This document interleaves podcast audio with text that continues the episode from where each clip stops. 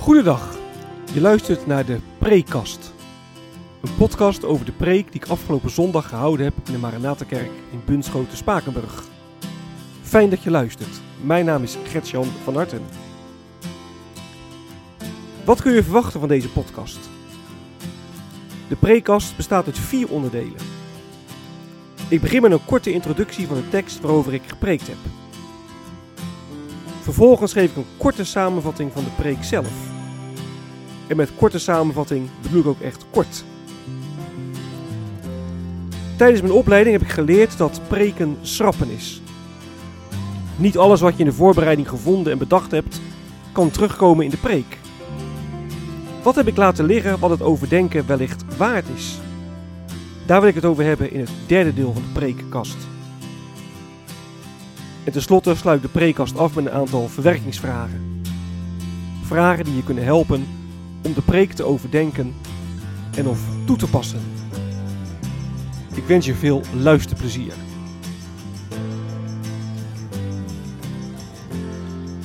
De tekst.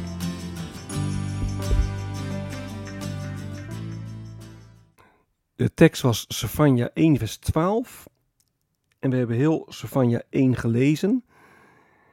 En in Sefania 1 profeteert Sefania dat de dag van de Here voor de deur staat. En die dag is een dag van oordeel.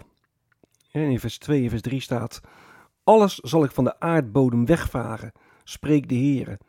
Mens en dier zal ik wegvagen. Ik zal de vogels aan de, hemels, aan de hemel wegvagen en de vissen in de zee. Alles wat de zondaars ten val heeft gebracht.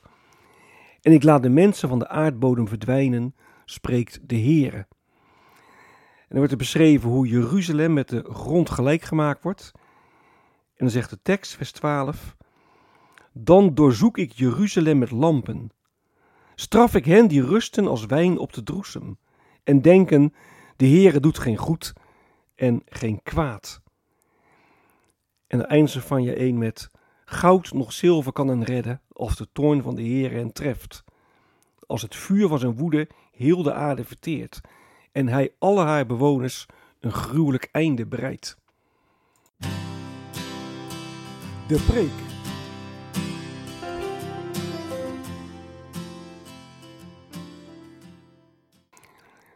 Savanja 1 is een, eh, een heel heftig hoofdstuk. Als je dat zo leest, hoe de profeet namens de Heere Jeruzalem ja, het oordeel aanzegt.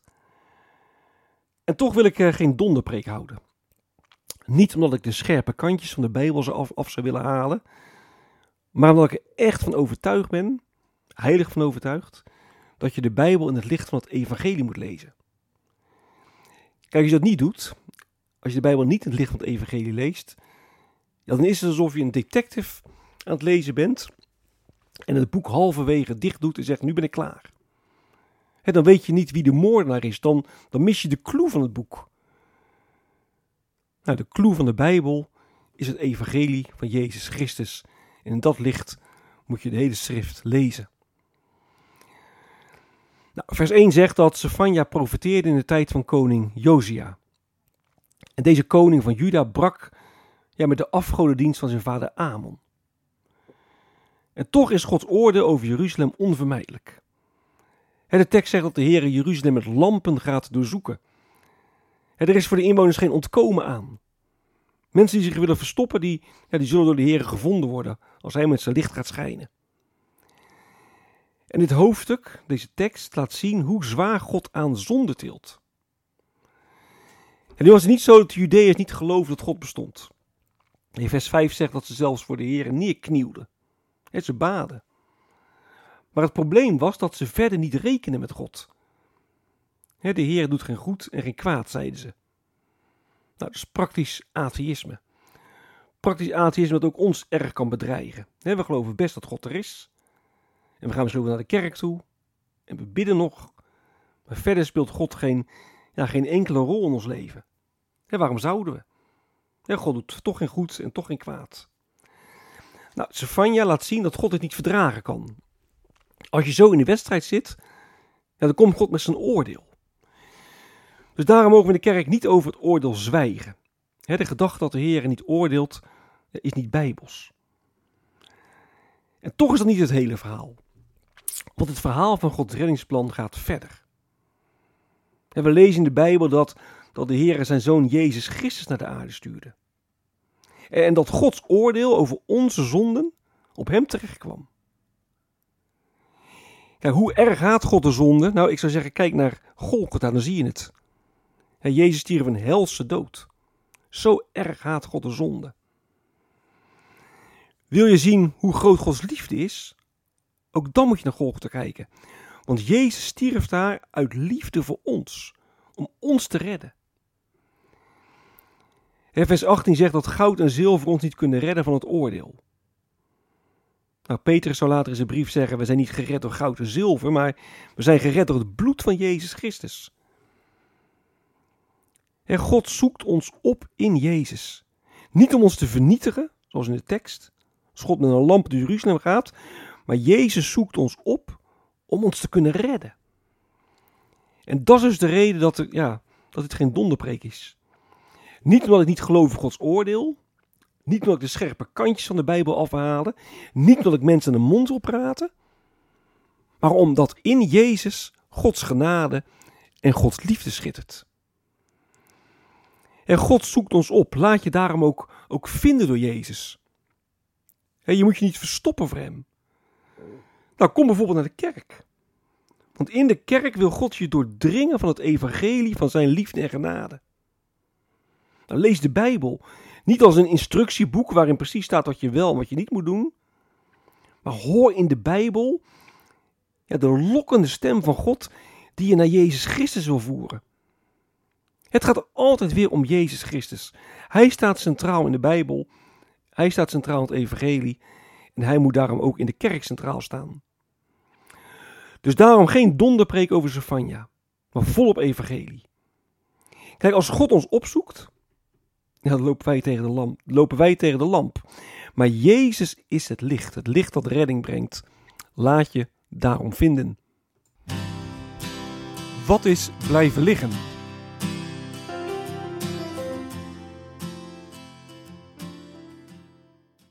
Wanneer moet je de profetie van Sefania 1 precies dateren? Nou, het lijkt op eerste gezicht niet zo moeilijk. Hè? Er staat in vers 1 dat hij is uitgesproken in de tijd dat Josia, de zoon van Ammon, in Juda regeerde. En we weten wanneer dat was. Dat was van 639 tot 606 voor Christus. Dus ergens in die tijd heeft deze profetie, is deze profetie uitgesproken. Alleen was, het kenmer alleen was het kenmerkende van de tijd van koning Josia dat er tijdens zijn regering een reformatie heeft plaatsgevonden. Dat was in 622 voor Christus. Hij was dus 17 jaar koning. En toen werd er in de tempel het wetboek gevonden. En toen ze dat wetboek vonden, toen lazen ze dus hoe God wil dat hij vereerd zou moeten worden. Toen lazen ze hoe de tempeldienst allemaal precies uh, moest plaatsvinden. En toen kwamen ze tot de conclusie, ja, we doen het helemaal verkeerd. Wij doen niet wat God van ons vraagt. En Josia gaat er allerlei hervormingen invoeren op basis van het gevonden wetboek. Hij brak met de afgodendienst en uh, hij ging de heren dienen. Nou, in de commentaren lees je dan de vraag: heeft deze profetie nou voor of na de vondst van het wetboek? Uh, is deze profetie nou voor of na de vondst van het wetboek uitgesproken? En je zou misschien zeggen: ja, de voor natuurlijk. Want voor de vondst, hè, toen leefde het volk in zonde. En de, daarna kwam een bekering. Dus toen hoefde God niet meer met zijn oordeel te komen. Maar als je 2 Koningen 23 leest, dan lees je de hele geschiedenis van koning Josia. Dan lees je dat hij allerlei hervormingen invoert, dat de bekering komt. En er staat er in 2 Koningen 23 vers 26, toch liet de Heer zijn toorn tegen Juda niet varen. Hij zei, zoals ik Israël verstoten heb, hè, Samaria was ingenomen door de Assyriërs, zo zal ik ook Juda verstoten. En Jeruzalem, de stad die ik had uitverkozen, zal ik verwerpen. Dus ook na, die, na de bekering zegt God, ik kom toch met mijn oordeel. En ook dat roept ook allerlei vragen op. Hè? Waarom oordeelt God? Er is toch bekering? Als je bekeert tot de Heer, dan, dan, dan, dan, dan, dan oordeelt de Heer toch niet. Ze hebben zich toch bekeerd. Hoe kan dat dan? Nou, in alle commentaren wordt dus uitgebreid uh, aandacht besteed aan de vraag wanneer je deze profetie moet dateren. En eh, dit zijn dus eh, de, twee, de twee opties. Een volgende vraag is, ja, tegen wie is de profetie van Josefania 1 nu precies gericht? Nou, tot, tot, tot Jeruzalem zou je zeggen, hè? Vers 12, dan doorzoek ik Jeruzalem met lampen, straf ik hen die rusten als wijn op de droesem en denken de Heer doet geen goed en geen kwaad. Maar gaat het alleen maar over Jeruzalem? Of moet je het, brede zien, hè? ook Juda, hoort Juda nog bij? En als het alleen maar Israël, of eh, Jeruzalem en Juda is, ja, wat heeft het ons vandaag dan nog te zeggen? En tegelijk lezen we ook in vers 2 en vers 3 dat de hele schepping deelt in het oordeel. Denk je ook, ja, hoe kan dat nou? De hele schepping. Eh, is dat niet in strijd met wat God aan Noach beloofd had? Zoals in Genesis 8 leest. Dat hij mensen die je niet zal wegvaren. En hier staat mensen die zal ik wegvaren. En ook alle dieren. Ofwel alle de vogels en de vissen in de zee. Is dat niet, niet in strijd met nou, wat we in uh, Genesis 8 lezen? Dus tegen wie is nou precies dit, deze profetie gericht? Alleen tot Jeruzalem? Alleen tot Jeruzalem en Juda? Of tot uh, de hele wereld? Sommige commentaren zeggen vanaf vers 14 worden ook de, de heidense volken aangesproken. Maar is dat zo? De tekst die, die, die zegt dat niet. Nou, ik heb daar in de tekst, uh, in de preek verder geen aandacht aan besteed, omdat ik denk dat het op zich best wel een interessante vraag is, waar je natuurlijk over na kunt denken. Maar voor de boodschap maakt het denk ik uiteindelijk toch niet ja, zo, heel veel, uh, zo heel veel uit. Daarom heb ik dat uh, in de preek laten liggen. Nou, als je de nieuwe Bijbelvertaling leest, dan staat er boven vers 2 de dag van de Heer. Savanja 1 is een profetie over de dag van de Heer. Ik heb er iets over gezegd, over de dag van de Heer. Maar vanuit andere Bijbelgedeelten kun je er veel meer over zeggen. Wat is dat, de dag van de Heer? Nou, als je de Bijbel breder leest, dan zie je dat de dag van de Heer een dag van redding kan zijn. Een dag waarin God ingrijpt om zijn volk te redden. Maar het kan ook, zoals hier in de tekst, een dag van oordeel zijn. Een oordeel voor, voor de vijanden van Gods volk. Of voor, zoals hier in Sefania 1, voor Gods volk zelf. Nou, de dag is nabij. Vers 14 zegt zeer nabij. Dat geeft aan, ja, het komt onvermijdelijk. En dan wordt de schepping gezuiverd van, van alles wat vloekt met Gods bedoeling.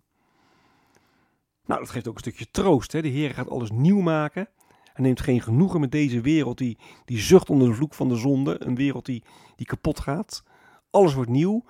En wat betekent dat dan voor ons doen en laten in ons leven van alle dag? vanuit, ja, die inval, vanuit de invalshoek van de dag van de Heren ze ook een preek kunnen opzetten over Sefania 1. Nou, er zijn natuurlijk wel veel meer vragen te stellen. In vers 7 gaat het over een offermaal. Nou, waarom gaat de Heer een offermaal houden? Wat moet je daarbij voorstellen? Er worden mensen uitgenodigd. Nou, wie wordt er uitgenodigd?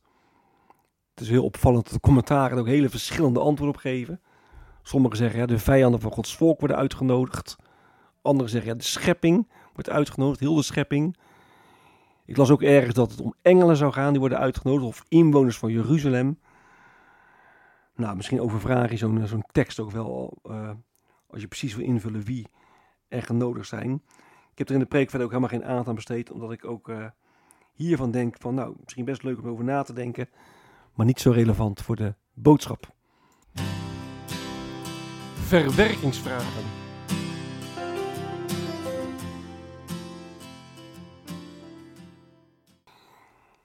In de tekst staat dat inwoners van Jeruzalem denken: de Heere doet geen goed en de Heere doet geen kwaad.